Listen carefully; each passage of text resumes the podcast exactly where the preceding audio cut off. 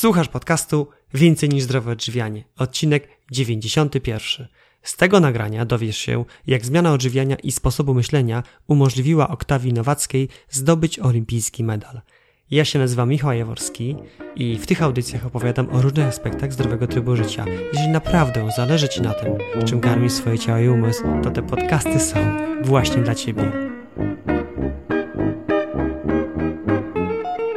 Witaj w 91 odcinku podcastu, który jest wyjątkowy, ponieważ patronuje naszemu kursowi w 4 tygodnie Zmień swoją kuchnię na zdrową. Jest to 4-tygodniowe szkolenie online, które jest przeznaczone dla osób, które chcą wprowadzić do swojej kuchni, do swojej rodziny zdrowe odżywianie. Jeżeli chcesz się nauczyć mądrze planować i wdrażać zdrowe posiłki, działać według dopasowanego do Twoich potrzeb planu, a nie od przypadku do przypadku, to ten kurs zdecydowanie może Ci w tym pomóc. Kurs jest dla osób, które czują się zagubione w tym całym szumie, to co jest zdrowe, a co nie, i chcą mieć pewność, że jak już zrobią zakupy spożywcze, to już będąc w domu, przygotują z nich zdrowe i smaczne posiłki. Jeżeli chcesz skrócić czas spędzony w kuchni, nauczyć się jak komponować odżywcze posiłki, to ten kurs może Cię zainteresować. Kolejna edycja kursu startuje właśnie w dniu publikacji tego podcastu, stąd ten patronat i można do niej dołączyć jeszcze do niedzieli 13 stycznia 2019 roku. Więcej informacji o kursie w 4 tygodnie Zmień swoją kuchnię na zdrową znajdziesz pod linkiem umieszczonym w notatkach do tego podcastu. A w dzisiejszym podcaście mam szczególnego gościa, Oktawię Nowacką, naszą polską medalistkę olimpijską. Bezpośrednio po nagraniu tej rozmowy miałem pewną refleksję, którą chciałem się z Tobą podzielić. Czasem wydaje się, że czegoś nie jesteś w stanie dokonać, bo nie masz do tego predyspozycji, bo innym przychodzi to dużo łatwiej, bo teraz nie jest właściwy na to moment. Idąc tym torem, właściwy moment nigdy nie nadchodzi, a zmiany, które sobie zaplanowałaś, zaplanowałeś, rzeczy, które są dla ciebie ważne, nigdy się nie dzieją. Znam to uczucie, bo sam jeszcze łapię się na nim czasem i właśnie dlatego chciałbym, abyś z uwagą wysłuchał rozmowy z Oktawią. Popatrz, jaką drogę musiała przejść, popatrz, z iloma wyzwaniami musiała się zmierzyć, zauważ, jakiej zmiany w sobie musiała dokonać, aby sięgnąć po wymarzony przez wszystkich sportowców olimpijski medal. Zapraszam do wysłuchania rozmowy. Cześć Oktawia. Witam. Proszę przedstaw się słuchaczom mojego podcastu. Kim jesteś i czym się zajmujesz? Nazywam się Oktawia Nowacka, jestem wyczynowym sportowcem, trenuję pięciobój nowoczesny. No i takim moim największym e, sukcesem, można powiedzieć, sportowym jest zdobycie brązowego medalu na Igrzyskach Olimpijskich w Rio de Janeiro. Brawo, bardzo serdecznie gratuluję. To był, zdaje się, 2016 rok, prawda? Dokładnie, dokładnie. Mhm. Powiedz y, tym osobom, które może nie słyszały, czym jest pięciobój nowoczesny? Pięciobój nowoczesny jest dosyć złożoną dyscypliną składającą się z kompletnie różnych e, dyscyplin jest to połączenie pływania, biegania, strzelania, szermierki i jazdy konnej. E, wbrew pozorom, mimo że nazywa się nowoczesny, jest to bardzo stara e, dyscyplina i do nowoczesnych Igrzysk Olimpijskich prowadził ją sam twórca idei e, nowożytnych Igrzysk Pierre de Coubertin. To była jedna z pierwszych e, dyscyplin, która na takie igrzyska trafiła, więc e, dyscyplina z wielkimi tradycjami. Ja czytałem troszeczkę przygotowując się do tego wywiadu i doczytałem się, że intencją twórcy tej dyscypliny było zgromadzenie takich kompetencji, które są potrzebne żołnierzom. Dokładnie. I na samym początku w zasadzie tylko żołnierze uprawiali pięciobój nowoczesny. Dopiero później stał się to sport powszechny. Także y, to prawda, to miał, y, ta dyscyplina miała tak jakby odzwierciedlać wszystkie cechy, które miał posiadać najlepszy żołnierz, tak? Czyli powinien jeździć konno, władać dobrze bronią i białą, i palną, y, no i powinien szybko biegać i, i w razie potrzeby pływać, więc to wszystkie cechy wpływały na takiego dobrego wojownika. Mhm w ogóle ciekawe, bo żołnierz kojarzy się raczej z silnym mężczyzną, a tu nagle młoda, piękna kobieta nagle uprawia te pięć dyscyplin. W ogóle powiedz, skąd pomysł u Ciebie, aby uprawiać pięciobój nowoczesny i czy w ogóle od dziecka myślałaś o tym, aby wyczynowo uprawiać sport? Myślałam o tym, że wyczynowo uprawiać sport, ale totalnie nie wiedziałam, że będzie to pięciobój nowoczesny.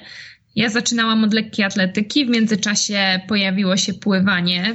Trenowałam dwie dyscypliny jednocześnie do 14 roku życia, więc e, dosyć długo i w jednym i w drugim jakby osiągałam sukcesy.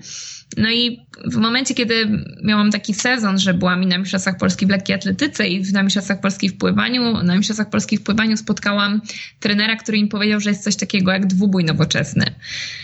Ja nie wiedziałam, że to jest w ogóle początek y, pięcioboju, bo nie wiedziałam jeszcze, co to jest nawet pięciobój nowoczesny. Sama jako sportowiec nie wiedziałam. Y, I z tym trenerem pojechałam na takie zawody w dwuboju. Okazało się, że dobrze mi to wychodziło.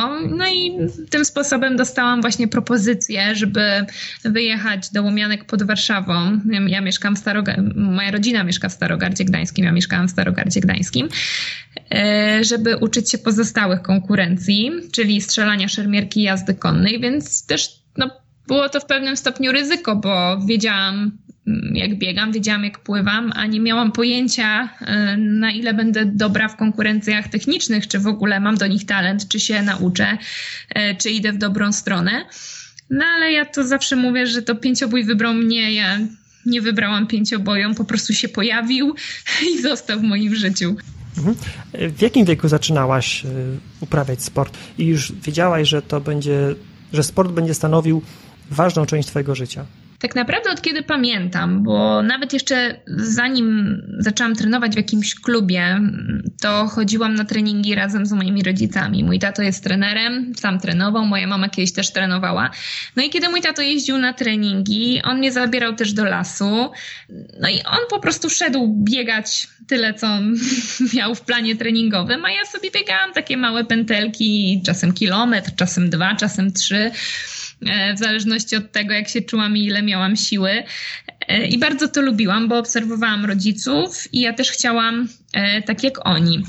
A o tak naprawdę karierze wyczynowej to już zadecydowałam w zerówce, bo do dzisiaj pamiętam, jak przyszła do nas pani nauczycielka i powiedziała, że właśnie zaczynają się Igrzyska Olimpijskie w Nagano, to były zimowe Igrzyska Olimpijskie i poprosiła, żeby narysować jakiś obrazek przedstawiający sportowców. No jeszcze tak nie bardzo kojarzyłam te wszystkie dyscypliny, no ale zimach skojarzyło mi się z łyżwiarzami, więc narysowałam parę łyżwiarzy. Do dziś pamiętam, jak ten rysunek wyglądał. U góry na, na, napisałam e, Igrzyska e, Olimpijskie Nagano, no i z tym rysunkiem przyszłam do domu e, i zapytałam się taty, co to są te Igrzyska Olimpijskie. No to tata mi wytłumaczył, że to jest impreza co cztery lata, że są zimowe, letnie. I ja tak tylko spojrzałam i powiedziałam, okej, okay, to ja na takie po, kiedyś pojadę. I tak to się zaczęło, że już tak y, dosyć bardzo wcześnie wiedziałam, że chcę iść w tym kierunku. I w związku z tym, że nie myślałam o niczym innym, tylko ten sport był od zawsze, on bardzo naturalnie u mnie przyszedł w ogóle bardzo naturalnie, że e, potem całe kolejne lata ja byłam, wstąpiłam do jednego klubu, potem do drugiego, no i nie zastanawiałam się, czy ja bym mogła robić coś innego, bo robiłam to i tak było od zawsze.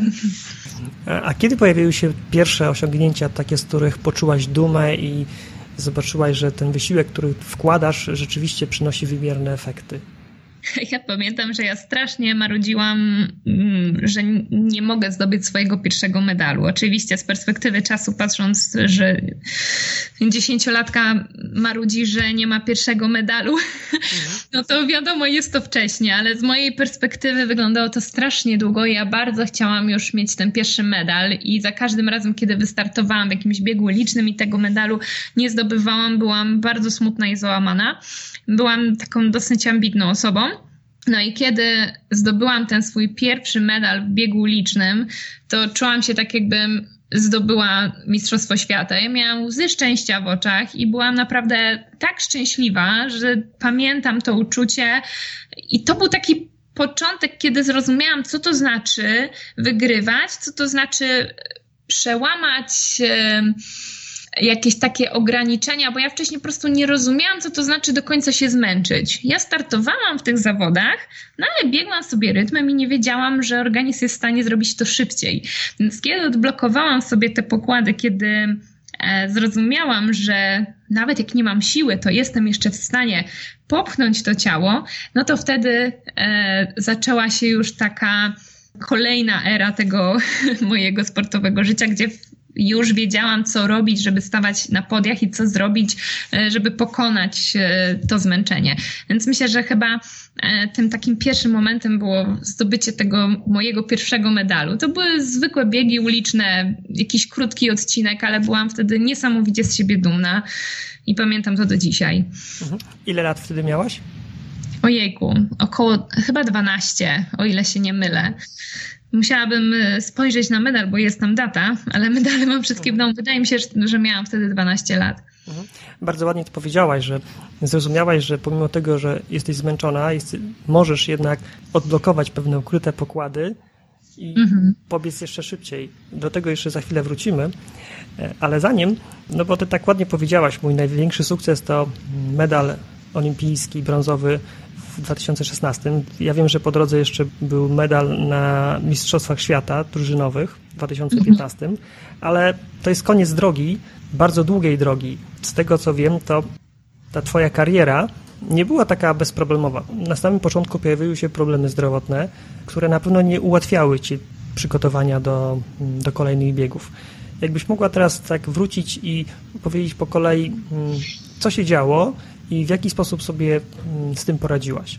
No to prawda. Na takiej mojej sportowej drodze spotkałam y, wiele przeszkód. Y, potem pewnie też dojdziemy do tego, które z tych przeszkód spowodowała y, głowa, a które przyszły same, bo to, to jest kolejna kwestia.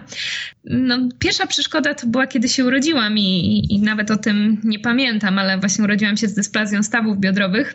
Kiedyś to nie było takie oczywiste leczenie. E, więc e, lekarz powiedział moim rodzicom, że nie będę chodzić, więc to w ogóle abstrakcja. Tak, moi rodzice dostali właśnie taką informację. E, no ale oczywiście się nie poddali, jeździli ze mną e, do Gdańska, do lekarza. Nosiłam dosyć długo specjalne wkładki ortopedyczne, przez co bardzo późno zaczęłam chodzić, bo musiałam najpierw wyrównać e, nogi, ponieważ miałam bardzo dużą różnicę długości między jedną a drugą nogą, więc to wszystko było trzeba naprawić. No i jak to się okazało później, nie tylko chodziłam, ale i uprawiałam sport i nie było to przeszkodą, więc Mm, to gdzieś tam było takim pierwszym moim wydarzeniem w życiu, którego nie pamiętam, ale doskonale pamiętają moi rodzice. Później, kiedy moja gdzieś tam kariera sportowa zaczęła się rozwijać, kiedy stwierdziłam, że tak, y, idę trenować pięciobój, spróbuję w sporcie wyczynowym, że to będzie dyscyplina, którą wybieram, ryzyk fizyk, chcę to zrobić. No i kiedy właśnie mm, jechałam do, do ośrodka, szkolenia pięcioboju wykryto u mnie wadę kręgosłupa. Jak się okazało, wadę, którą mam do teraz, bo to, bo to jest y, wada, która w zasadzie nie wiadomo, jak powstała. Być może się z nią urodziłam, być może gdzieś nabyłam, y, ale dowiedziałam się o tym w ogóle z przypadku przy, przy okazji bilansu czternastolatków. Kręgosłup mnie nigdy nie bolał z tego powodu, dlatego też totalnie nie wiedziałam, że mam coś takiego. Było to pęknięcie łuku kręgowego w ostatnim e, kręgu lędźwiowym, ale niebezpieczeństwo polegało na tym, że ten krąg był dosyć mocno osunięty, bo aż półtorej centymetra, co groziło wypadnięciem tego kręgu. Więc lekarze powiedzieli, że absolutnie nie ma szans, że jeśli spadnę z konia, będę miał jakiś wypadek, to może się zadziać bardzo duża krzywda. Oczywiście nie dałyśmy za wygraną. Moja mama przyjechała do Warszawy, szukali, szukałyśmy ortopedów, znalazłyśmy świetnego człowieka, który e, uzmysłowił mi, że to, że trenuję i to, że mam tak silne mięśnie, które okalają ten mój kręgosłup, silne mięśnie brzucha, silne mięśnie grzbietu, sprawia, że w ogóle nie czuję bólu i ten krąg się trzyma. Więc on podszedł do tego totalnie inaczej niż wszyscy. Powiedział, że mam jeszcze więcej ćwiczyć, mam sobie obudować bardzo mocno kręgosłup, wzmocnić brzuch, wzmocnić grzbiet i wszystko będzie dobrze. E, więc on tak jakby przypieczętował, dał mi zgodę i od tego czasu mogłam zacząć trenować. Najpierw czekało mnie pół roku takiej intensywnej rehabilitacji polegającej właśnie na intensywnym wzmacnianiu tych mięśni. Kiedy było wszystko ok, w sensie nie czułam żadnego bólu, trenerzy, mm, doktor pozwolili mi wejść do treningu i zaczęłam trenować znowu. Jak po latach e, zaczęły mnie e, boleć plece przez podnoszenie ciężarów akurat na AWF-ie na studiach. Bałam się, że mi wrócił, e, wróciły jakieś dolegliwości związane z, z tą kontuzją. No i dla samej siebie zrobiłam e, rezonans, żeby się dowiedzieć, co tam jest, i okazało się, że stało się praktycznie coś niemożliwego, bo ten krąg, który był wysunięty o półtorej centymetra, jest na swoim miejscu.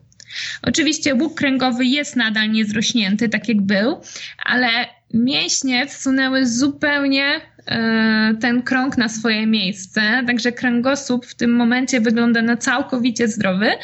E, mięśnie go mocno trzymają, dolegliwości żadnych nie ma, więc jak widać, e, nawet takie rzeczy można uleczyć i wcale to nie jest tak, że wada kręgosłupa dyskwalifikuje nas z aktywności fizycznej, wręcz przeciwnie pomaga.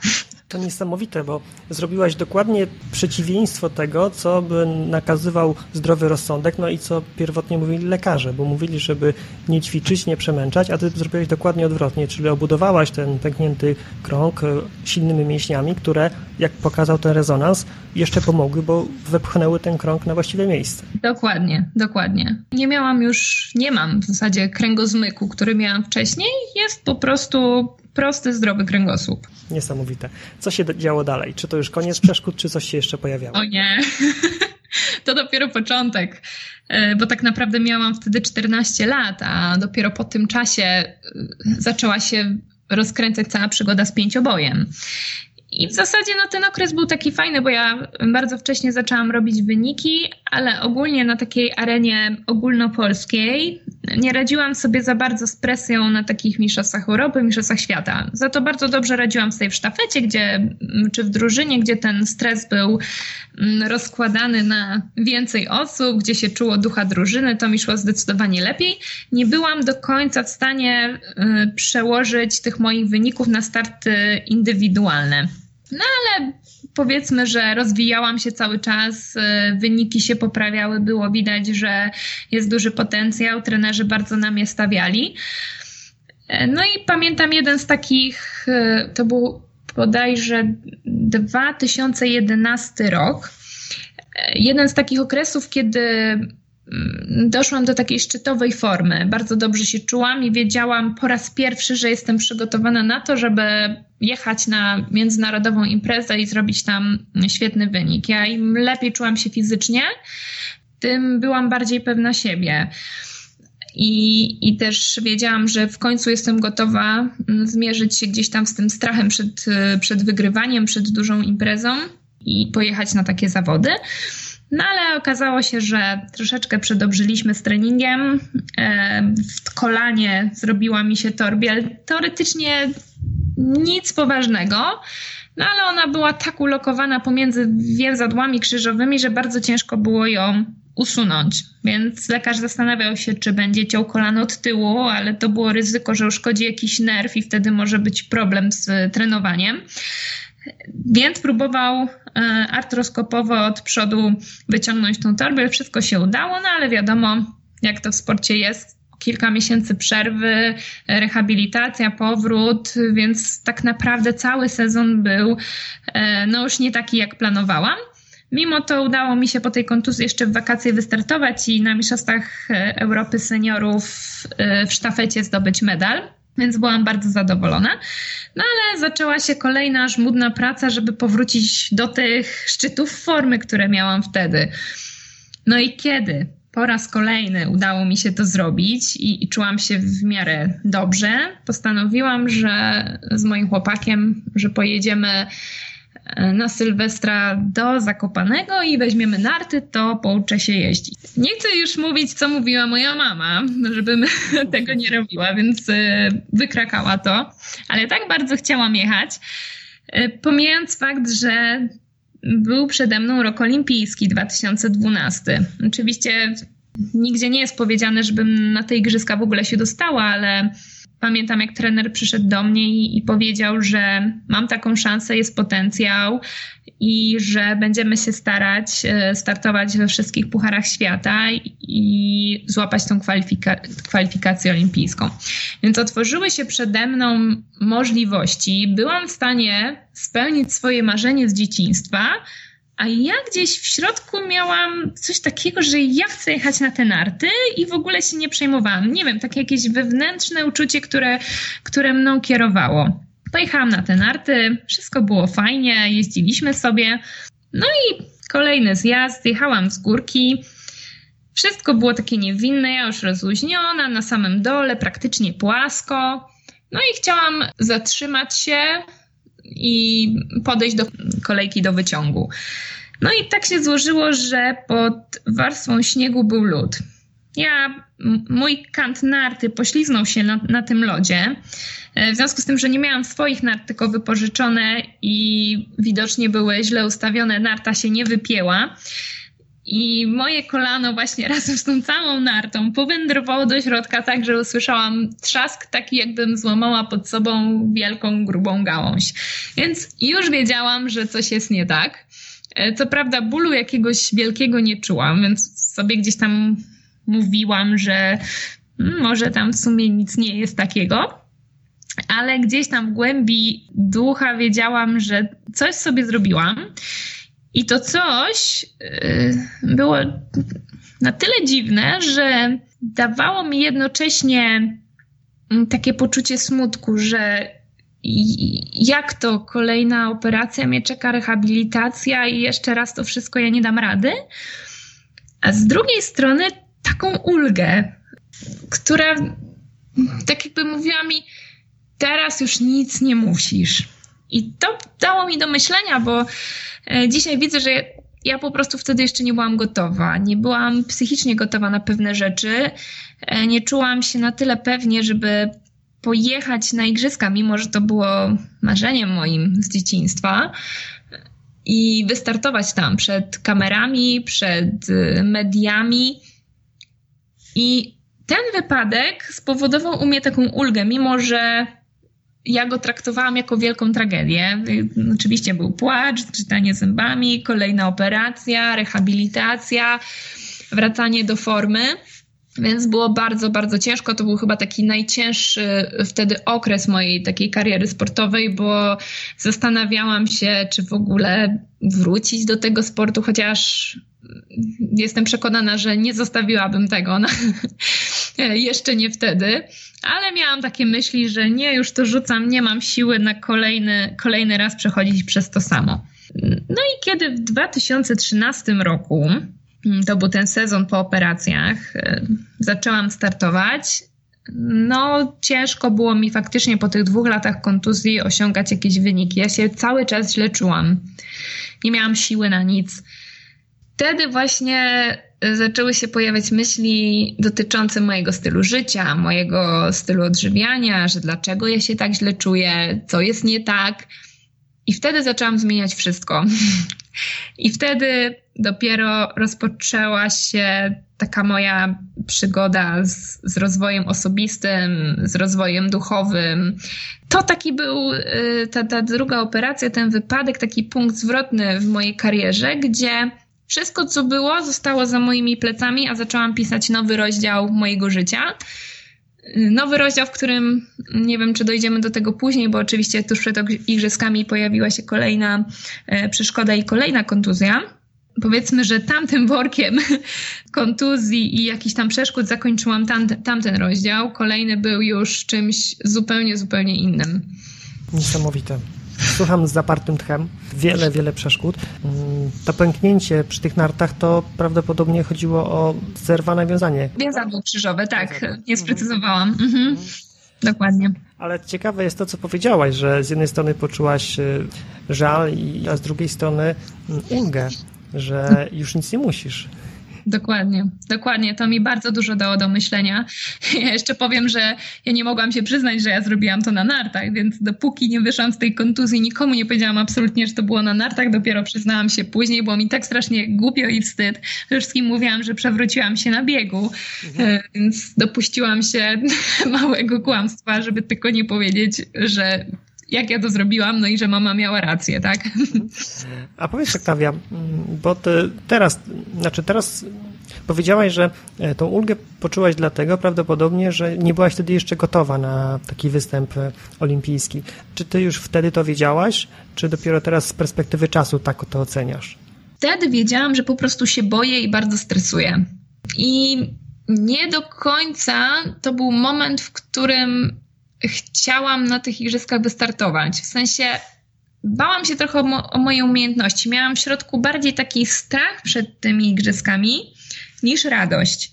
I właśnie z perspektywy czasu, analizując te uczucia, które miałam, to po prostu wiem, że to był ten brak gotowości. Ja po prostu nie byłam przygotowana, nie chciałam, to była na mnie zbyt duża presja, zbyt duże wyzwanie, nie czułam odpowiednio dużych umiejętności, a chyba najbardziej bałam się mojego występu na jeździe konnej, kiedy jestem sama na parkurze, wszystkie oczy są zwrócone na mnie, a to był jeszcze okres, kiedy nie miałam takich dużych, powiedzmy, umiejętności. Bałam się, że sobie nie poradzę, że y, koń stanie, że spadnę. Więc chyba to była taka, taka rzecz, której bałam się najbardziej. I to był rok 2012, który zapoczątkował taką, jak rozumiem, transformację w tobie. Zaczęłaś zastanawiać się nad swoim stylem życia, nad rozwojem osobistym. Za chwilę do tego wrócimy i to rozwiniesz, ale pociągnijmy jeszcze ten wątek kariery sportowej. Co było dalej? Wtedy właśnie natchnęło mnie pewnego dnia, że może nie do końca fast foody i słodycze, które jadam, są ok. E, I może dlatego nie jestem w stanie po tych dwóch latach wrócić e, do treningu. Przecież nigdy trenowanie nie sprawiało mi problemu. Potrafiłam wrócić po wakacjach, potrafiłam wrócić po jakiejś drobniejszej kontuzji, a teraz nagle totalnie nie miałam siły. Więc pierwsze co zrobiłam, to umówiłam się do dietetyka. Ja totalnie nie znałam się na odżywianiu, w ogóle nie wiedziałam jak od czego w ogóle zacząć. I to kolejna myśl, która mi przychodzi do głowy, że po prostu my ludzie dziś, w dzisiejszych czasach tak bardzo zatraciliśmy instynkt tego, co nam służy, a tego, co nam nie służy, że kiedy nie mamy odpowiedniej jedzy, wiedzy i ktoś nam każe jeść zdrowo, to my totalnie nie wiemy jak. Ja właśnie byłam taką dziewczynką mieszkającą bez rodziców w internacie, która chciała się zacząć zdrowo odżywiać, a totalnie nie wiedziała jak. Mhm. Poszłam do dietetyka i dostałam rozpisaną dietę. I co prawda, no, nie była to dieta, z której korzystam teraz, yy, i to nie był mój, mój styl życia, który prowadzę teraz, ale składała się z racjonalnych posiłków, yy, ze zrównoważonych, zawierała wszystkie niezbędne składniki odżywcze, więc ja już jedząc tamtą dietą, zaczęłam się czuć coraz lepiej. I to było tak szybkie, że ja po miesiącu byłam zupełnie innym sportowcem. Miesiąc wcześniej nie miałam totalnie siły i wystarczył zaledwie miesiąc, żebym ja wróciła praktycznie do swojej dawnej formy. To było dla mnie tak niesamowite, jak można w tak krótkim czasie zrobić coś takiego, ale czułam się rewelacyjnie. I jak zobaczyłam i poczułam, jak jest teraz dobrze, tak się tym zafascynowałam, że po prostu od tego momentu zaczęłam szukać sama y, i wtedy zaczęłam tą dietę modyfikować, o czym będziemy jeszcze rozmawiać. I rok 2014 po tych wszystkich moich zmianach był najlepszym rokiem w mojej karierze sportowej po raz pierwszy zaczęłam jeździć na Puchary Świata Seniorów. E, miałam dosyć duży przeskok, bo ominął mnie prawie cały wiek młodzieżowy przez kontuzję, więc od razu zostałam rzucona na głęboką wodę. E, mało startowałam z młodzieżowcami, a już od razu musiałam startować z seniorami. A mimo to stałam na podium, na podium wszystkich Pucharów Świata, wygrywając ostatecznie finał Pucharu Świata, co było dla mnie wielkim szokiem. Ja po prostu byłam nie do zatrzymania wtedy od tego czasu moja kariera przyspieszyła, nabrała tempa. W 2015 roku mm, zdobyłam już rok przed igrzyskami imienną kwalifikację olimpijską, więc już miałam pewność, że na te igrzyska pojadę i nikt mi tego miejsca nie zabierze, bo to nie jest miejsce dla kraju, tylko bezpośrednio dla mnie. Więc nic, tylko już trenować i miało być już tak pięknie, kolorowo, dopóki e, nie pojawiła się ta kontuzja rozcięgna podeszwowego, która wydawała mi się największą zmorą, a okazała się największym darem, który mogłam dostać. Wow, jak to możliwe? A tak to możliwe, że te ostatnie pół roku zadziało się tyle niesamowitych rzeczy, że potrafiłam z totalnego załamania spiąć się na szczyt swoich możliwości psychicznych. Y, to było niczym magia, niczym taki prawdziwy cud. Kiedy w 2015 roku zdobyłam kwalifikację, zaczęłam spokojnie trenować jesienią y, i zimą do, do tego sezonu Igrzysk Olimpijskich. Wszystko szło dobrze, forma cały czas utrzymywała się mm, super, więc nic, tylko przetrenować solidnie ten okres i, i, i z formą wycelować w Igrzyska Olimpijskie. No ale zaczęłam czuć e, pomału ból rozcięgien podeszwowych. Na początku nic sobie z tego nie robiłam. On mnie bolał po treningach, kiedy już noga zastygła, ale kiedy ją rozgrzewałam, to było ok. Ja też nie chciałam robić przerwy. Za wszelką cenę zależało mi, żeby przetrenować ten rok bez przerwy, no bo jak to przed Igrzyskami Olimpijskimi mogę zrobić sobie jakąkolwiek przerwę? Przecież nie mogę sobie na to pozwolić, bo moi zawodnicy trenują. Z takiego wychodziłam założenia i każdy dzień przerwy był dla mnie dniem straconym i nie mogłam go sobie wybaczyć, więc gdzieś tam bagatelizowałam ten ból rozcięgien i cały czas trenowałam. W grudniu ten ból już był dosyć mocny, kiedy w styczniu 2016 roku, czyli na 8 miesięcy przed igrzyskami, pojechałam na obóz do Spały. Pamiętam, jak ukończyłam już tam jeden trening, zrobiłam go po prostu na maksa do wycięcia i nagle się okazało, że po treningu nie mogę postawić stopy na ziemię.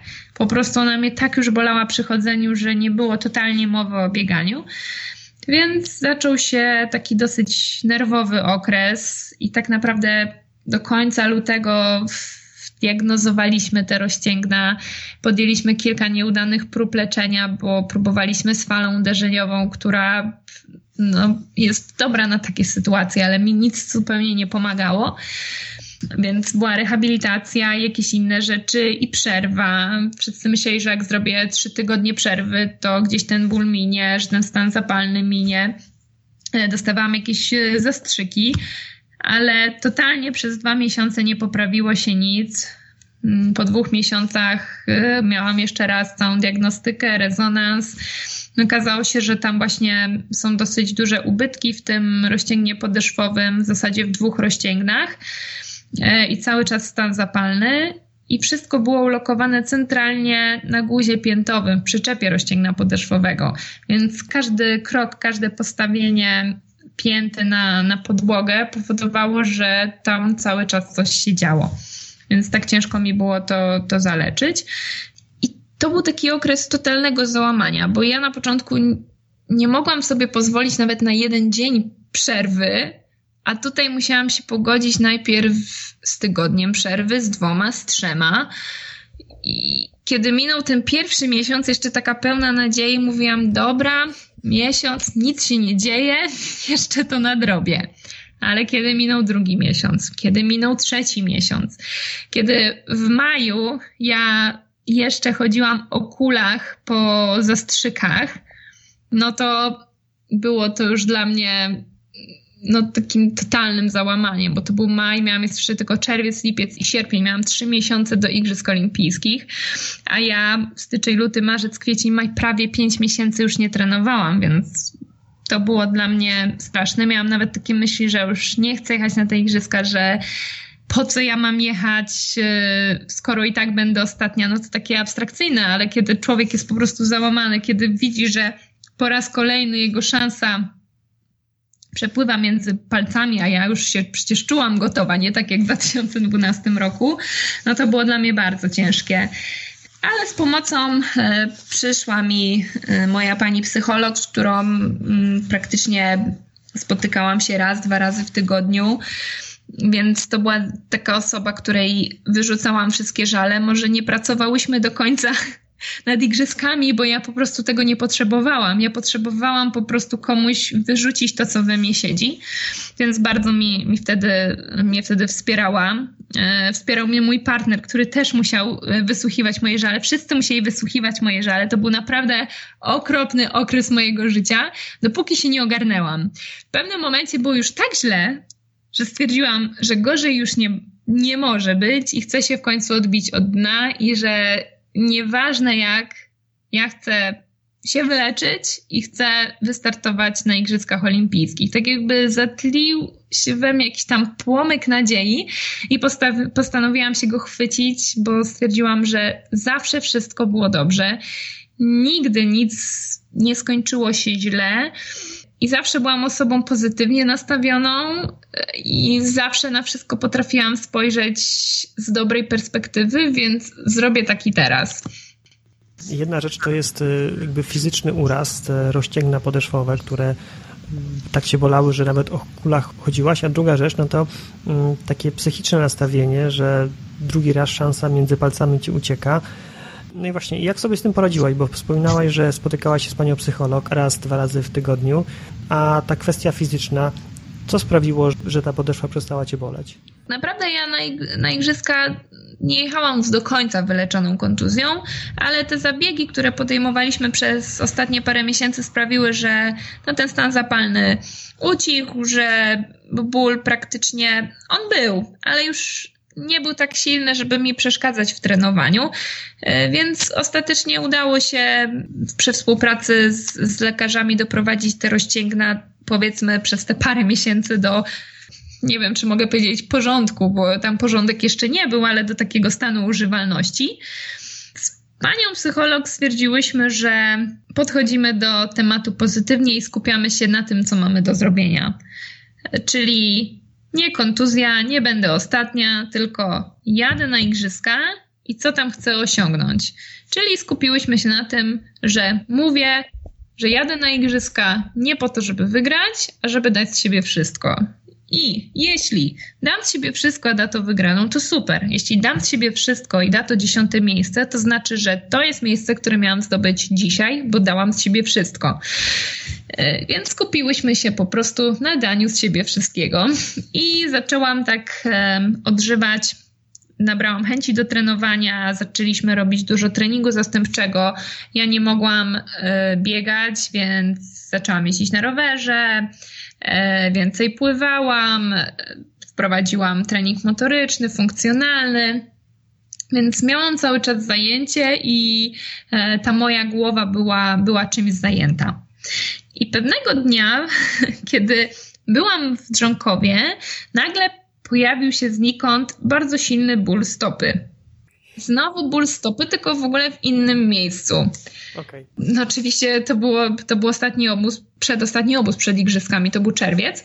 No to od razu mnie wszyscy wysłali na wszelkie badania, jakie tylko można zrobić. No i miałam rentgen, miałam USG, miałam, co tam jeszcze, rezonans magnetyczny i na żadnym e, badaniu nic nie wyszło. Ja byłam tak zażenowana, bo mówię, zaraz mi powiedzą, że kłamie, a ja nie mogłam postawić nogi, a tam w środku nic nie było.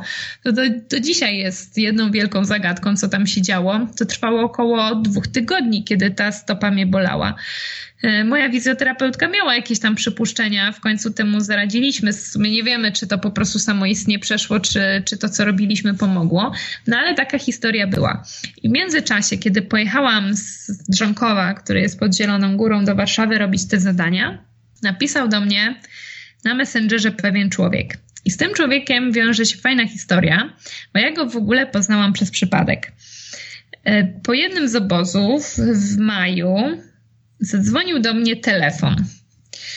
Odebrałam i przedstawił się człowiek związany właśnie ze sportem, który tym razem powiedział, że ja nie dzwonię w temacie sportowym, ale chciałbym Ciebie zaprosić na wykład pewnego doktora, bo usłyszałem w radiu Twój wywiad, dowiedziałem się, że jesteś weganką e, że interesujesz się takimi rzeczami i może by ci się spodobało. Okazało się właśnie, że jego żona mm, dosyć mocno zachorowała i to był człowiek, który tak naprawdę uratował jej życie. Ona, ona była u niego w klinice w Stanach i na tyle była mu wdzięczna, że po prostu e, poprosiła go, żeby przyjechał do Polski i zrobił wykład. No i byłam na tym wykładzie.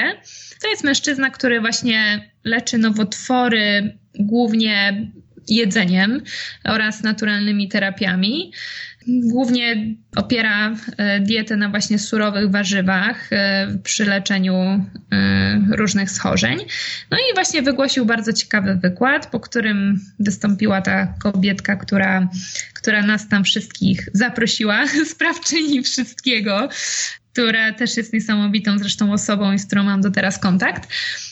I na tym wykładzie pojawił się właśnie y, ten Waldek, mm, który też tam trafił tak samo z przypadku jak ja, bo poznał ich wszystkich y, zaledwie tydzień wcześniej i też został zaproszony po to, żeby powiedzieć coś o treningu mentalnym i tak dalej.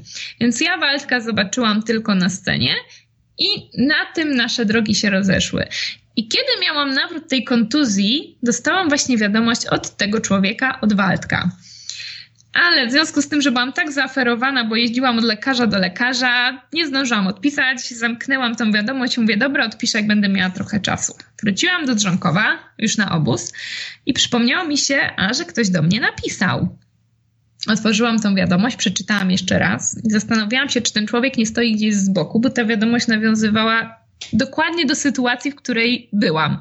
Może nie wiedział, że mam y, chorą stopę i nie mogę na niej stanąć, ale tak jakby po prostu czuł, że coś się e, złego podziało.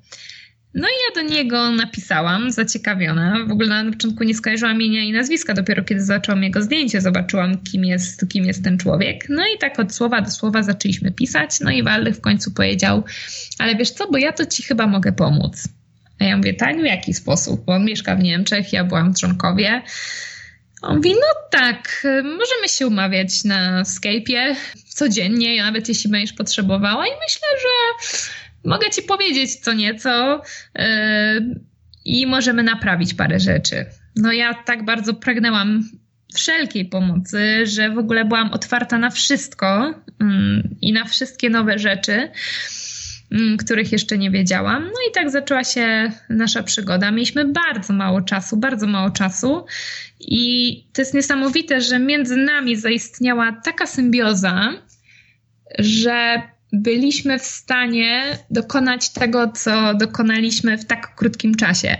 Ja miałam już wcześniej bardzo dużą wiedzę, bo na różne tematy mentalne no, miałam pojęcie, bo, bo dużo o tym czytałam i dużo sama ćwiczyłam. E, ale Waldek był osobą, która przełączyła jakiś guziczek w mojej głowie, który zmienił się z wiedzy na zrozumienie. I z tym zrozumieniem mogłam prawić to wszystko w ruch, mogłam e, to urzeczywistnić, włożyć w moje życie. I pamiętam, które słowa e, Waldka z, tak najbardziej zapadły mi wtedy w pamięci. Opowiedział mi właśnie, jak to matka w obliczu zagrożenia dziecka, czyli na przykład jej dziecko wpada pod samochód, matka jest w stanie wygenerować takie pokłady siły, że jest, że jest w stanie podnieść nawet ten samochód, żeby wyciągnąć dziecko. Co normalnie jest zupełnie niemożliwe. Ale tak działa nasza siła, nasza, nasza głowa. Yy, mamy tak niesamowite pokłady energii i mocy w sobie. I właśnie uświadomił mi, że to, że moje ciało jest teraz po kontuzji, i że ja nie do końca, wydaje mi się, że nie jestem wytrenowana i że moje ciało powiedzmy jest słabsze, to głowa tego nie zna, bo głowa pamięta, co to jest wysiłek fizyczny, głowa pamięta każdy ruch, który wykonałam, głowa pamięta, kiedy stałam na podium, głowa pamięta wszystko i mówi, musisz sobie tylko to przypomnieć.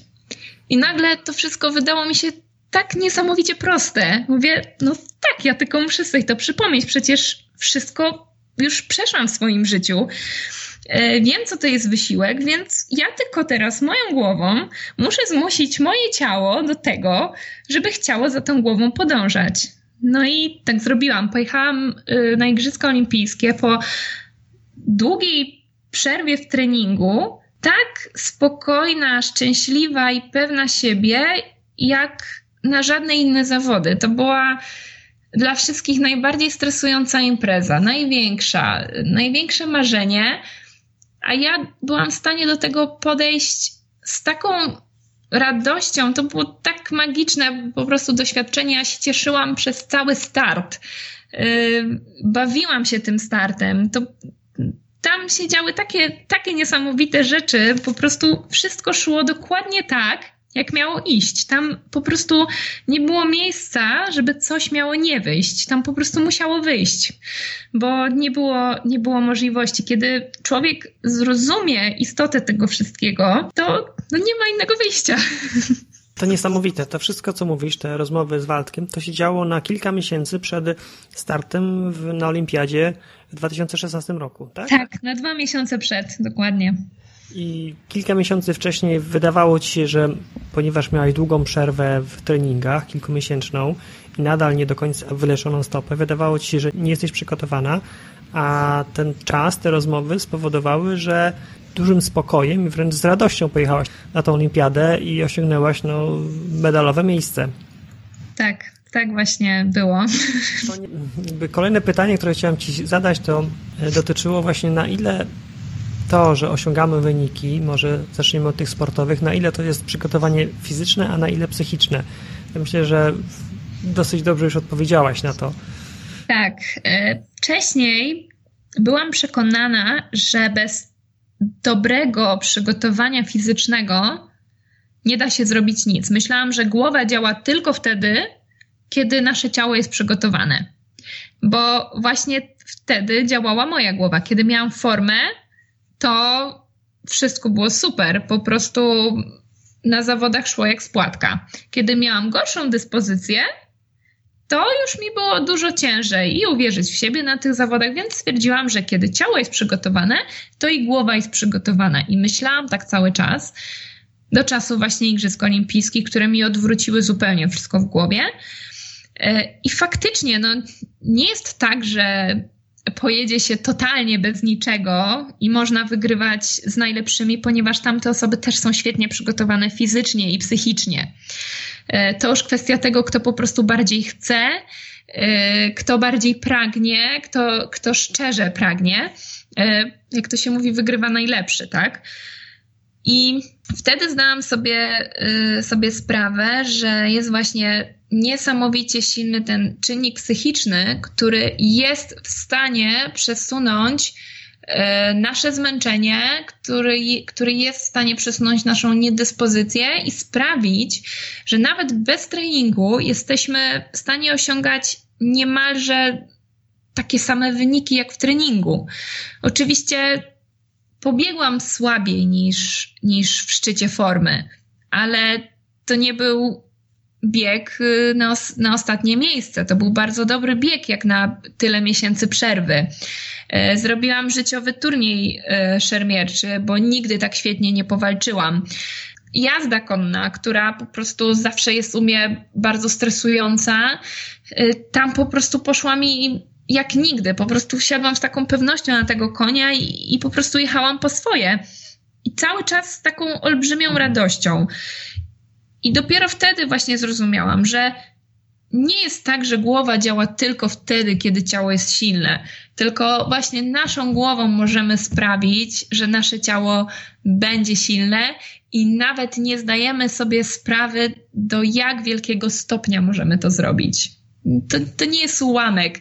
Im nasza wiara jest większa, im nasza pewność jest większa w to, że jesteśmy w stanie przesunąć nasze granice głową, tym bardziej je przesuniemy. To już jest indywidualna kwestia tego, w co my potrafimy uwierzyć.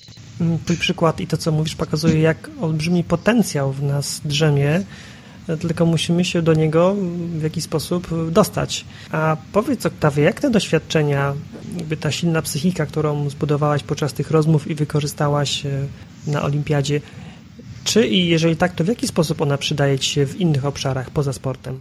Tak naprawdę ona tworzy całe moje życie, bo przez te doświadczenia bardzo dużo zrozumiałam i to właśnie nie tylko w temacie mm, sportowym, ale e, takim życiowym, bo ja to bardzo mocno przenosiłam na życie, bo ja zrozumiałam wtedy, że, że sport nie jest rzeczą najważniejszą w życiu, że nawet jeśli jest moją pasją, nawet jeśli jest moim marzeniem, czy czymś, co lubię robić, to nie jest celem samym sobie, że jak tego sportu zabraknie, to nie znaczy, że moje życie już nie ma sensu.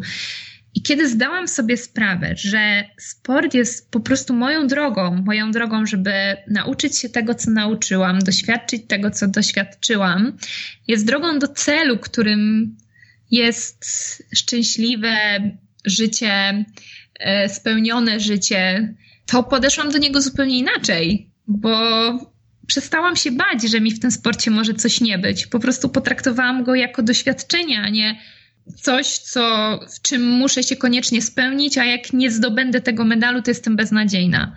Nie, nauczył mnie właśnie takiej e, pokory, dążenia do, do sukcesu, ale nie za wszelką cenę.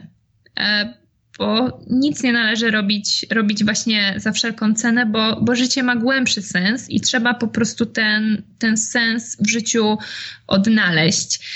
I właśnie to, co nauczyłam się w sporcie, właśnie głównie przez, przez te ostatnie parę lat od czasu tych wszystkich kontuzji i tych przejść, ten mój cały rozwój i, i taki mentalny i duchowy bardzo mocno przeniosłam na normalne życie, bo zaczęłam robić, a może przestałam się po prostu bać, że co będzie poza sportem, mm, czy ja sobie poradzę w innym świecie niż sport, bo skoro w sporcie wszystko się układało i skoro mam tą wiedzę, że życie zawsze pokazuje nam najlepsze ścieżki, tylko musimy się na nie otworzyć, to ja już się nie przejmuję tym, co będzie później, bo wiem, że w każdej sytuacji sobie dam radę, że życie i tak potoczy się tak, jak ma się potoczyć i nie zawsze jest sens walczyć z wiatrakami i nie zawsze też jest sens walczyć z tym,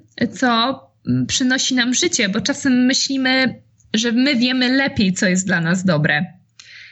A nagle się okazuje, że jesteśmy w błędzie i to życie, czy jak to woli powiedzieć, siła wyższa, Bóg y, wie bardziej, co jest dla nas dobre.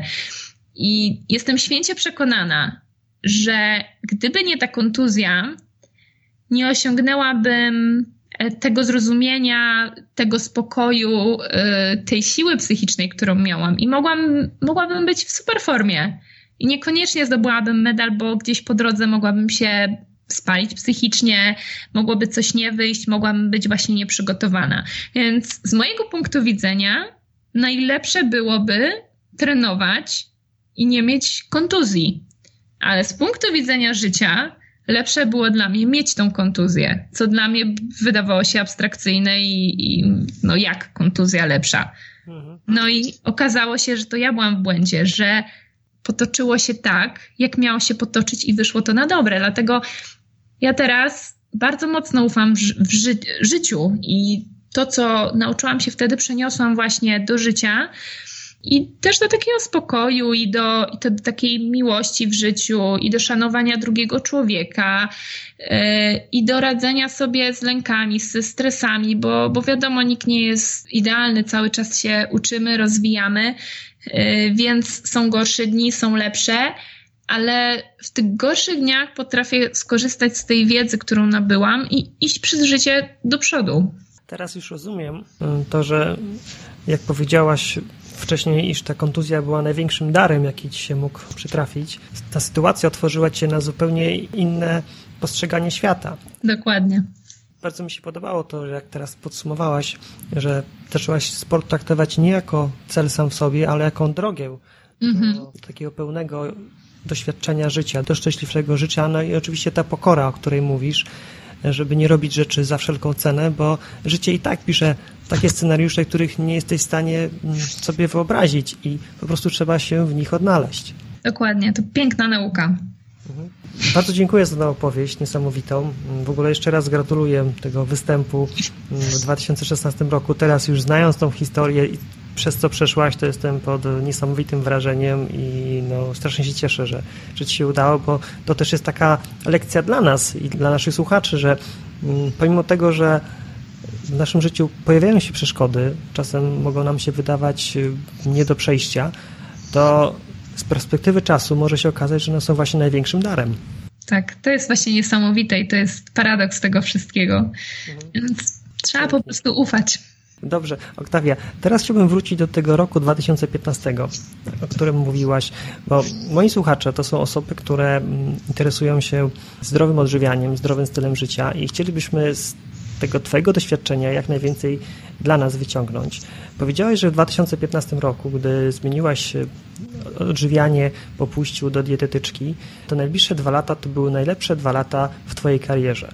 Mhm. Zaczęłaś robić najlepsze wyniki. Początkowo bazowałaś na tym mm, jadłospisie przygotowanym przez dietetyczkę, a później powiedziałaś, że zaczęłaś sama się interesować zdrowym odżywianiem i jak domyślam się, już samodzielnie modyfikować tą dietę. Powiedz nam właśnie, jak to wyglądało. Tak naprawdę zaczęłam y, szukać. Więc y, szukałam różne ciekawe strony w internecie, kupowałam ciekawe książki, y, rozmawiałam z dietetykami, zapisałam się do dietetyka na taki kurs Zostań swoim dietetykiem, gdzie już nie rozpisywaliśmy diet, a uczyliśmy się komponować zdrowe diety.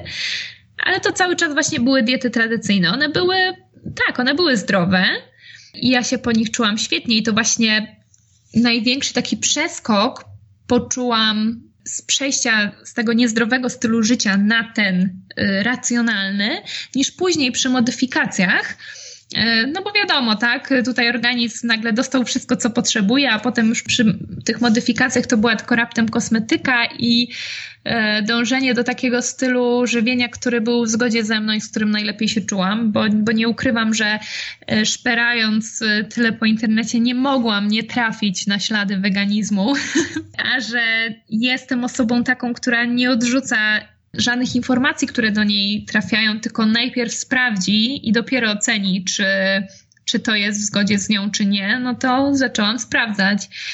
I wtedy do mnie doszło, że nie chcę brać w tym udziału, w sensie nie chcę brać udziału w, w masowych hodowlach zwierząt i że spróbuję mm, podjąć wyzwanie i zostanę wyczynowym sportowcem weganem. Oczywiście takich sportowców na świecie jest więcej i w Polsce też. E, może było to taką trochę niespodzianką u mnie, bo chyba byłam jedynym olimpijczykiem e, i w ogóle osobą w sporcie olimpijskim, która jest na diecie wegańskiej, więc spotkałam się z bardzo dużym niezrozumieniem. Wręcz starano się za wszelką cenę przekonać mnie do tego, że tak się nie da. Wszyscy namawiali mnie do tego, żebym, e, żebym zaczęła jeść mięso i to był tak okropny, okropny wtedy czas, bo ja cały czas byłam zestresowana, bałam się przy kimś jeść, e, bo wiedziałam, że cały czas ktoś mnie krytykował i uważał, że ja muszę jeść mięso i każde moje niepowodzenie w tym czasie było zrzucane na, na złą dietę, co było dosyć trudne dla mnie, ale bo, bo byłam tak jakby praktycznie sama w środowisku, które w ogóle nie akceptowało tego, co robię.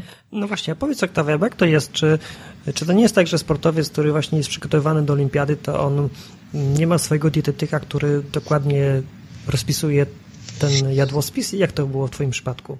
To już zależy właśnie od, od związku, od, od możliwości finansowych, który ma związek. No my swojego dietetyka nie mieliśmy jak chodziłam do dietetyka, to, to indywidualnie, a później konsultowałam już ze znajomą dietetyczką, e, później już sama nabywałam wiedzę i chodziłam na wykłady.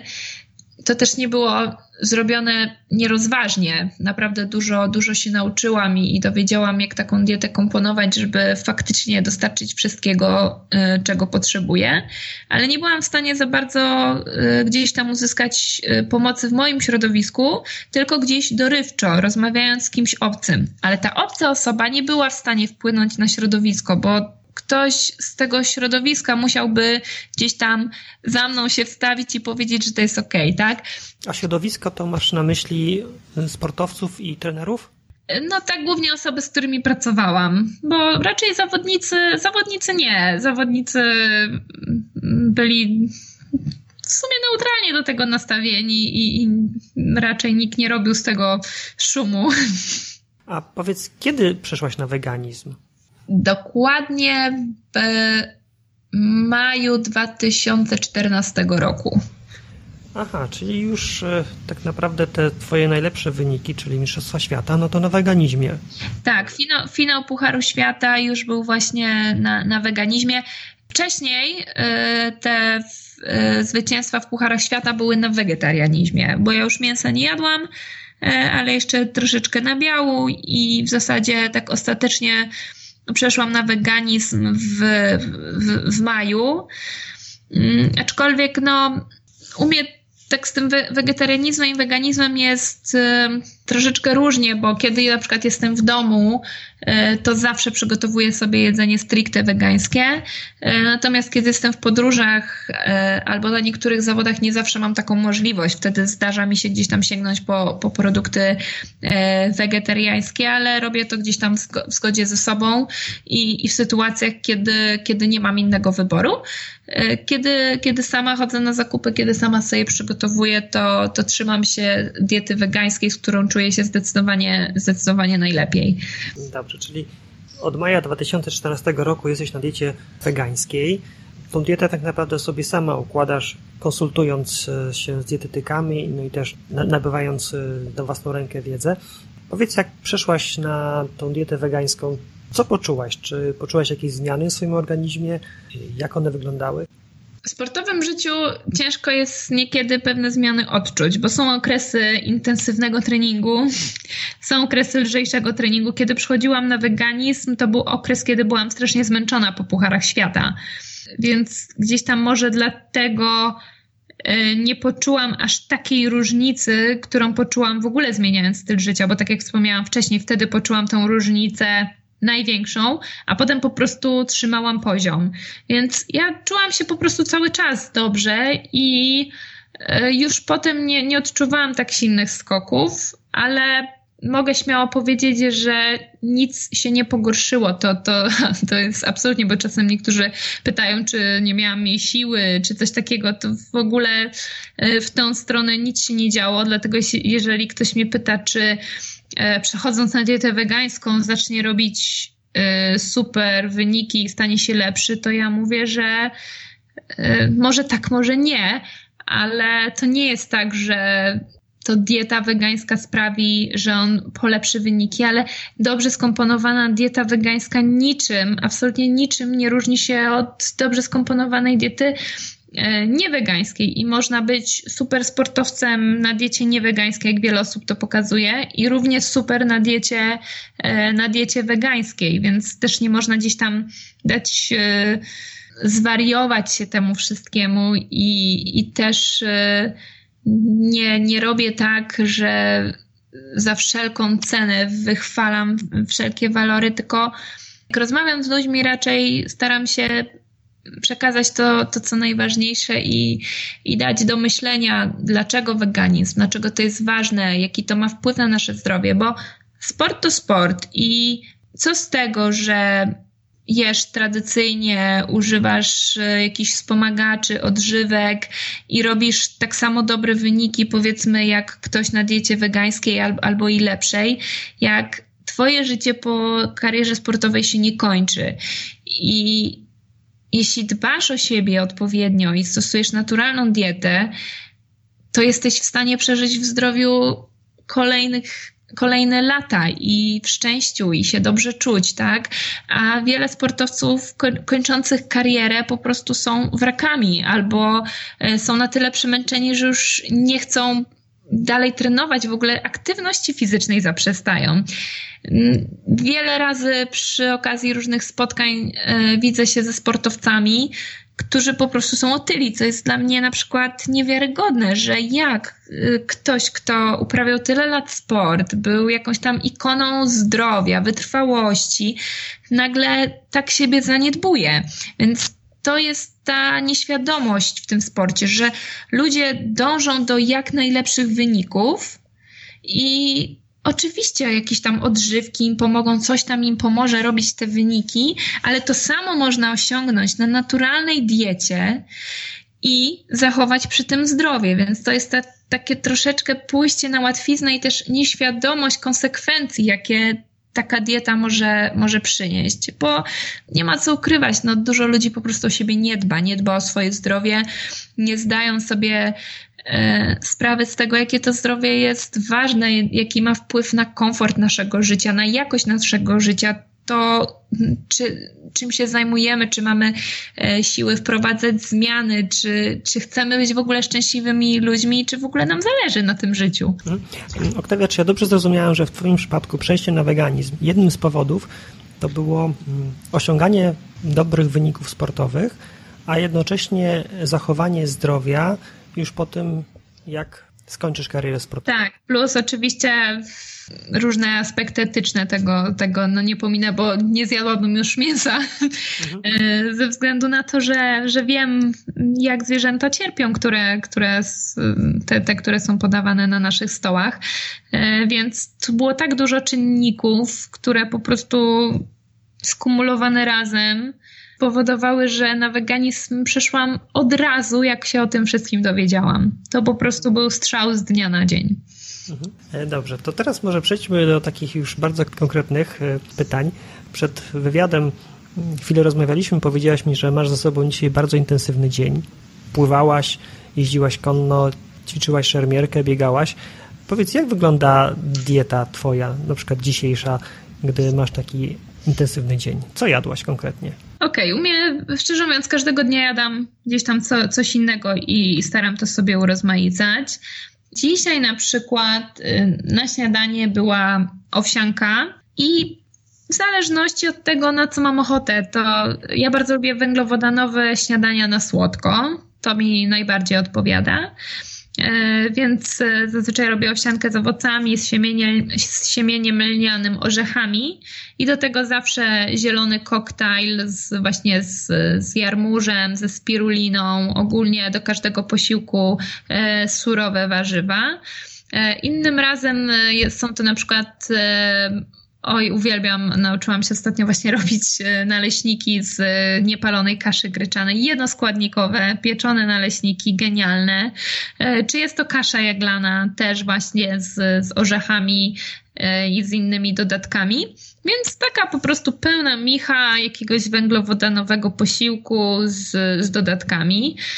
Na drugie śniadanie bardzo często y, piekę właśnie swój chleb, to, to jadam właśnie chleb z humusem. Oczywiście białko zwierzęce zastępuję warzywami strączkowymi. Głównie jest to groch, fasola, ciecierzyca, soczewica. Więc staram się zawsze do, do gdzieś drugiego śniadania, obiadu wrzucać właśnie te, te warzywa strączkowe, więc na przykład na drugie śniadanie zjem taką kanapkę z humusem i, i do tego jakieś surowe warzywo.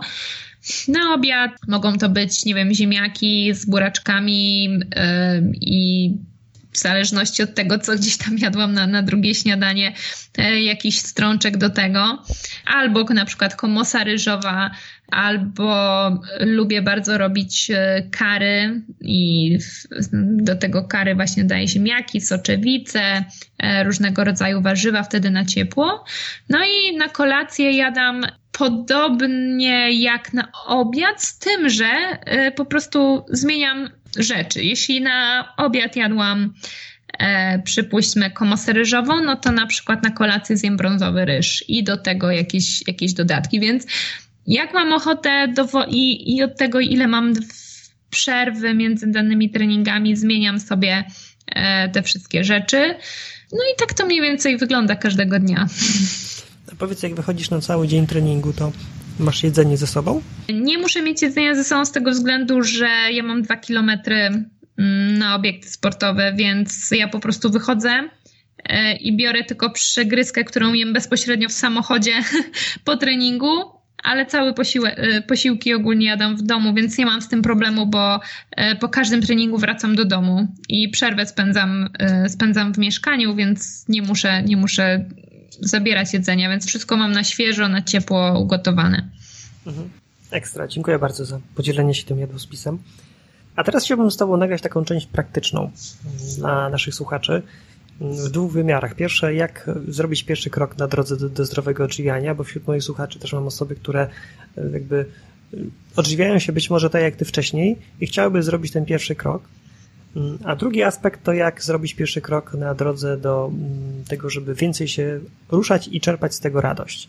To może ta pierwsza rzecz, właśnie od czego zacząć y, zdrowe odżywianie? Jakbyś tak mogła się cofnąć do czasów, kiedy właśnie w 2014 roku, 14-15 zmieniałaś odżywianie, y, wtedy jakieś kroki poczyniłaś i teraz mając całe to doświadczenie, gdybyś wtedy zaczynała, to co byś zrobiła inaczej? Albo jakbyś to zrobiła?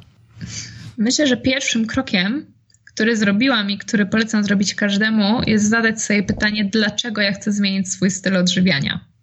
Bo bez uświadomienia sobie wagi ciężko będzie nam gdzieś tam wytrwać w postanowieniu.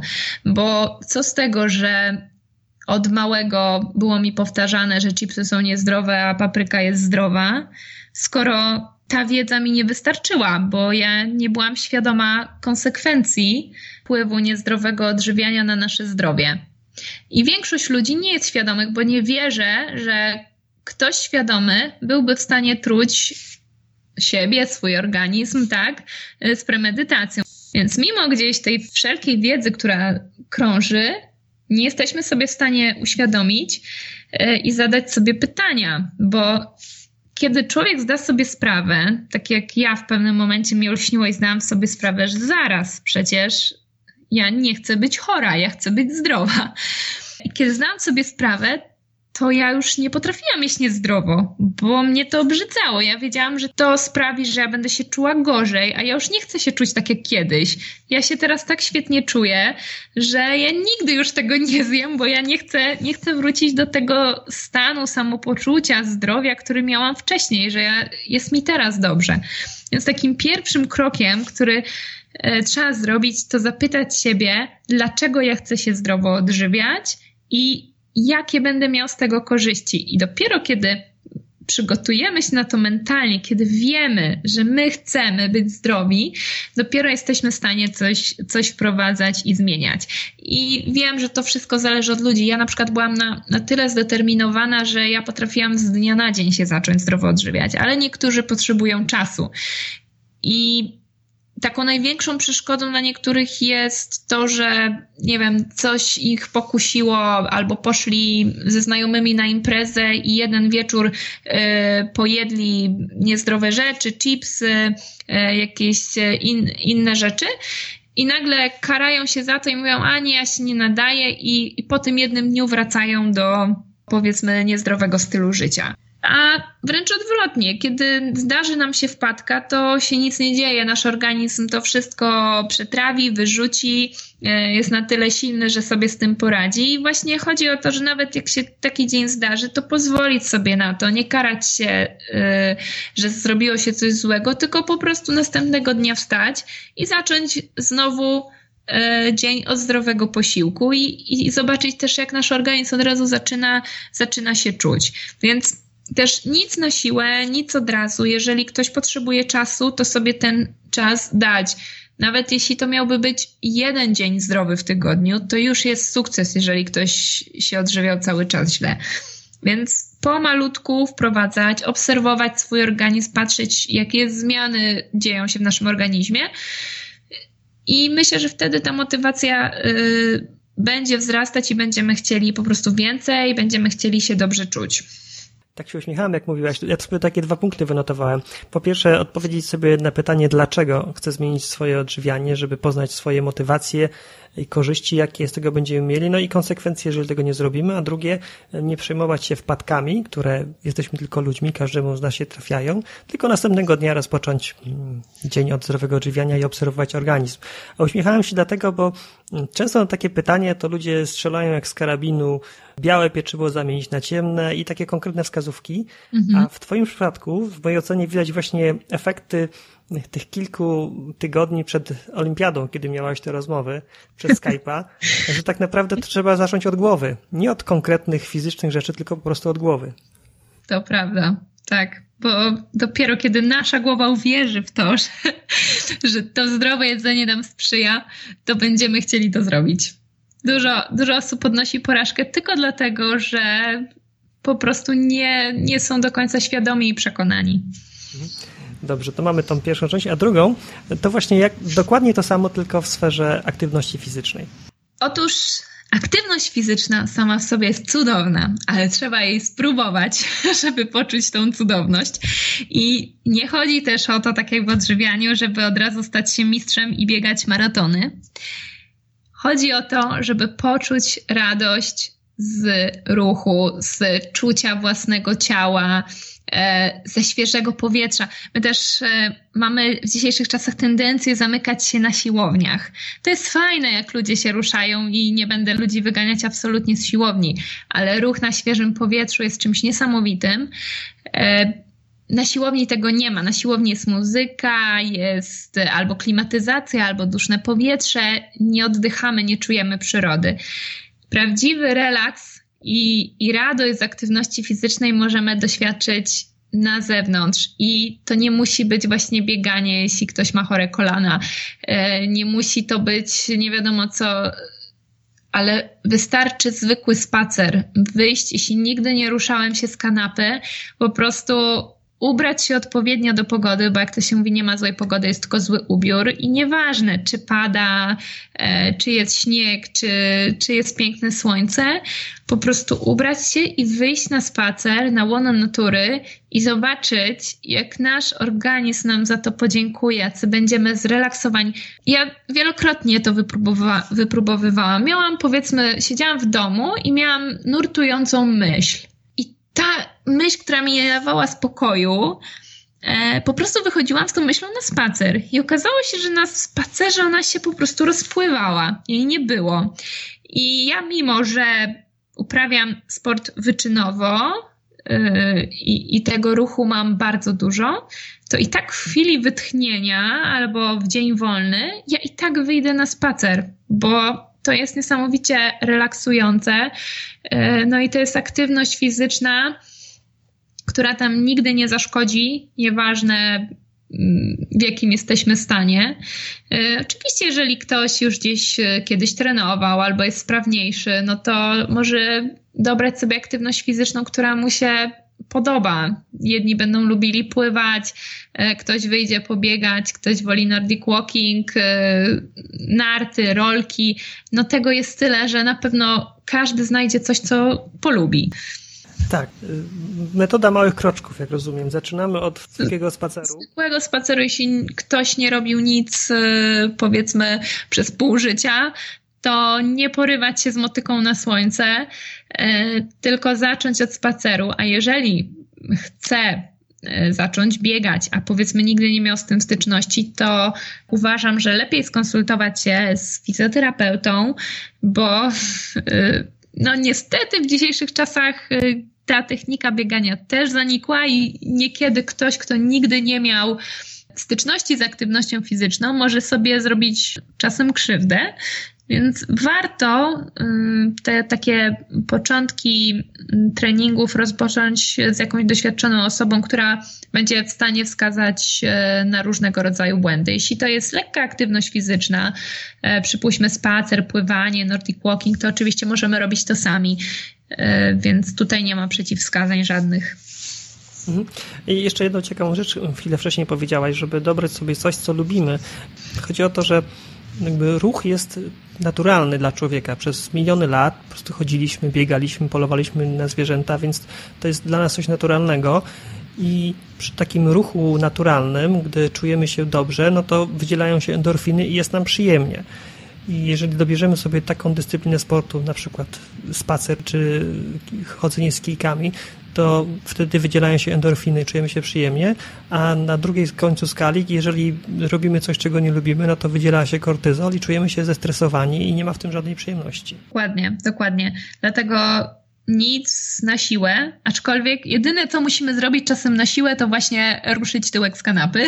To jest jedyna rzecz, żeby zasmakować e, właśnie czegoś nowego. I to właśnie, o czym mówiłaś, te endorfiny po, po wysiłku, to no to warto chociażby dlatego spróbować, bo czujemy się tak szczęśliwi i zrelaksowani. Ja się zawsze śmieję, bo kiedy jesteśmy na obozie sportowym i jesteśmy zmęczeni po treningach, to idziemy wszyscy na powiedzmy wspólną kolację i dostajemy tak zwanej głupawki, że wszyscy się śmieją po prostu nie wiadomo z czego i nic takiego się nie wydarzyło, po prostu wszyscy się śmieją. I mimo, że jesteśmy zmęczeni, oczy nam się kleją i mamy ochotę już wrócić e, po kolacji do łóżka, to się po prostu śmiejemy.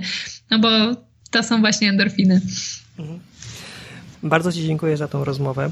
Gdyby któryś z naszych słuchaczy chciał się, miał jakieś pytania, czy jest jakiś sposób w internecie, aby się z Tobą skontaktować i o coś dopytać?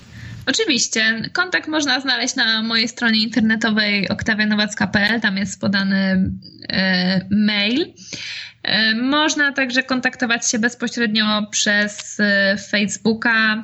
E, mam swojego fanpage'a, który się nazywa Oktawia Nowacka, ale mam też drugiego fanpage'a, w którym piszę bardziej o takich duchowych przemyśleniach, o takiej troszeczkę stronie mentalnej, życiowej. On nazywa się On Włącz Siebie, czyli moje inicjały Oktawia Nowacka On Włącz Siebie.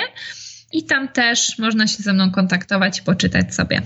I tak już zupełnie na koniec, y, taka jedna najważniejsza myśl z tej rozmowy, z jaką chciałabyś zostawić naszych słuchaczy. Mieć wielkie marzenia i zrobić krok, jeden, jedyny kroczek, aby te marzenia spełnić, i potoczy się już taka lawina rzeczy, które będą nam się przytrafiać, że nie będziemy w stanie jej zatrzymać. Więc wystarczy jedno pragnienie, mały krok, a koło potoczy się już samo. Jedno pragnienie, mały krok, a koło potoczy się samo. Bardzo dziękuję za rozmowę. Dziękuję bardzo. Mam nadzieję, że rozmowa z Oktawią zainspirowała Cię do podjęcia działania, aby nie oglądając się na innych, rzeczy dla Ciebie ważne po prostu wdrażać w życie. Nie od przyszłego tygodnia, nie od jutra, ale właśnie od dzisiaj. Jest ku temu świetna okazja, bo właśnie mamy początek roku i jest to doskonały moment, aby zrobić coś dobrego, na przykład w obszarze zdrowego odżywiania. Jeżeli potrzebujesz solidnego zastrzyku motywacji i praktycznej wiedzy, jak wprowadzić zdrowe odżywianie do Twojej kuchni, to zapraszamy na 4-tygodniowy kurs online, który krok po kroku wprowadzi Cię w podstawy zdrowego odżywiania. To jest kurs wideo, w którym zawarliśmy całą naszą praktyczną wiedzę. Łączy on filmy instruktażowe z praktycznymi ćwiczeniami w przygotowywaniu zdrowych posiłków. Do tego jest oczywiście nasze wsparcie przez cały okres trwania kursu, to znaczy przez 4 tygodnie. Tak jak już wspominałem na początku, w dniu publikacji tego podcastu, to jest 7 stycznia 2019 roku, startuje kolejna edycja tego kursu, a zapisy trwają do 13 stycznia 2019 roku.